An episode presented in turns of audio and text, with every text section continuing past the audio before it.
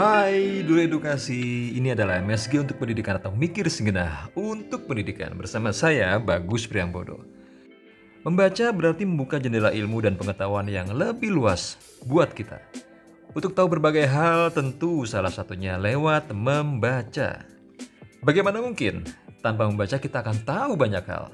Seandainya tanpa membaca ada yang bisa, apa iya kita akan memilihnya sebagai satu-satunya cara untuk memperluas cakrawala kita? Dan apakah iya cara itu saja yang akan kita wariskan ke generasi penerus kita nanti? Gak ada salahnya dong bisa membaca, tapi kalau sekedar bisa membaca saja sudah banyak lah. Kami yakin itu. Bagaimana dengan minat bacanya? Apa iya membaca sudah menjadi habit di masyarakat kita? Seandainya sudah, Alhamdulillah, mantap. Dan sebaiknya ditingkatkan lagi. Salah satunya agar peringkat literasi baca siswa-siswa kita di PISA juga bisa lebih baik lagi. Amin. Dulu edukasi, hari ini kami akan berbagi kaitannya dengan membaca. Bagaimana sih cara menumbuhkan kegemaran membaca buat anak atau siswa? Dari artikel berbahasa Inggris berjudul A School-Wide Focus on Choice Reading, tulisan Emily Leach yang publish di edutopia.org, kami akan berbagi hasil terjemahan kami yang sudah kami sadur juga tentang cara sekolah menumbuhkan minat baca anak. Minat baca anak selain dibangun di lingkungan keluarga, tentunya juga bisa dibangun di sekolah. Untuk itu sekolah harus memikirkan secara benar ya, strategi terbaik untuk menumbuhkan minat baca siswa-siswanya. Salah satunya dengan memperkaya pilihan bacaan untuk mereka. Hal seperti ini dilakukan juga oleh salah satu sekolah di Chicago, Amerika Serikat, Yorkville Grade School sebuah sekolah dasar yang menempatkan pertumbuhan minat baca di dalam daftar prioritas mereka. Untuk itu sekolah ini tidak tanggung-tanggung mengeluarkan anggaran besar untuk belanja buku agar siswa-siswanya menemukan kesukaan pada yang namanya membaca. Strategi pertama yang dilakukan oleh sekolah ini adalah mengembangkan koleksi perpustakaan. Pihak sekolah sadar bahwa perpustakaan sekolah adalah awal yang baik untuk menumbuhkan ekosistem membaca di sekolah itu. Mereka mengikuti rekomendasi Danielin Miller dan Colby Sharp yang termuat di buku berjudul Games Changer, Book Access for All Kids. Buku itu merekomendasikan perpustakaan sekolah setidaknya harus mempunyai koleksi buku antara 300 sampai 1000 buku. Banyak ya? Untuk sekolah pengadaan buku pastinya bukanlah proyek yang singkat. Tentu saja dibutuhkan anggaran yang cukup besar. Karena itu anggaran program yang mereka anggap bakal sia-sia, mereka alihkan untuk belanja buku. Dalam dua tahun saja dulu edukasi, sekolah ini menganggarkan sekitar 15.000 dolar Amerika Serikat atau dengan kurs 14.500 rupiah per 1 dolar Amerika Serikat. Nilainya sama dengan atau setara dengan 217,5 juta rupiah. Karena anggaran yang harus disediakan jumlahnya memang besar, Para pejabat yang berwenang di sekolah itu perlu melakukan pengawasan atau cek ke bagaimana anggaran itu dialokasikan.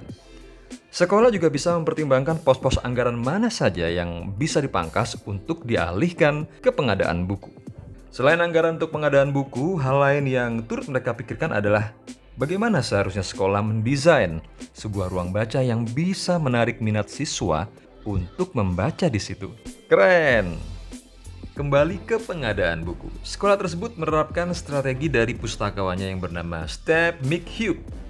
Step menyarankan agar sekolah menggandeng beberapa vendor dan membeli buku dalam jumlah yang besar sekaligus agar bisa mendapatkan potongan harga.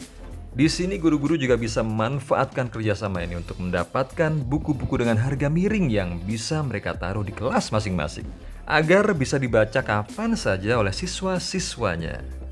Tapi yang paling penting bagi mereka adalah, walau murah, guru sebaiknya memilih buku-buku yang tepat, beragam, dan bermanfaat bagi siswa-siswanya.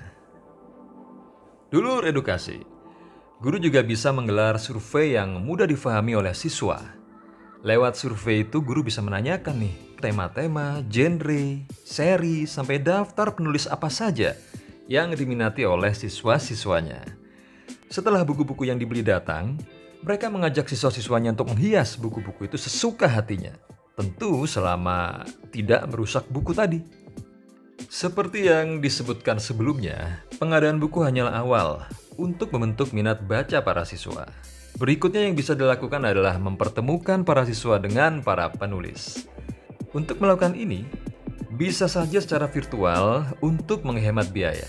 Lewat pertemuan secara daring ini, para siswa bisa berinteraksi langsung dengan para penulis yang mereka idolakan. Dan harapannya mereka ini dapat memicu kegemaran mereka untuk lebih banyak membaca. Cara lain yang juga bisa dilakukan adalah menyiapkan fasilitas yang mempermudah para siswa yang jauh dari sekolah untuk meminjam buku. Misalnya dengan layanan antar atau kirim buku.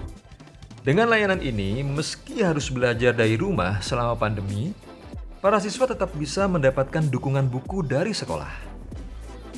Yang juga penting untuk menumbuhkan minat baca pada anak atau siswa selalu dimulai dari ambisi orang yang lebih dewasa untuk memulai obrolan tentang buku. Karena itu, sebagai pendidik atau guru, jangan pernah ragu untuk melibatkan siswa bergabung dalam sebuah komunitas buku. Harapannya, langkah tersebut bisa merangsang siswa untuk mulai gemar membaca. Prinsipnya, Buku adalah jendela ilmu yang akan membawa kita semua mengetahui berbagai hal. Dan ini menjadi kebutuhan yang harus dipenuhi, khususnya di masa pandemi di mana anak-anak lebih banyak belajar di rumah. Sebagai pendidik atau guru, sebenarnya kita tetap bisa berjuang sih mendorong siswa untuk gemar dan makin gemar membaca, baik secara tatap muka langsung maupun secara virtual. Versi bacaan atau narasi podcast ini dapat Anda akses juga di sini, di web Jerita atau jendela literasi kita. Mendekatkan dunia ke kita untuk pendidikan yang lebih baik.